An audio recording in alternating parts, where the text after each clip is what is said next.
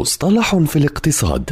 في كل حلقة يطرح المدون وصانع المحتوى الاقتصادي مجد النوري مصطلحا اقتصاديا محددا بلغة سهلة وبسيطة.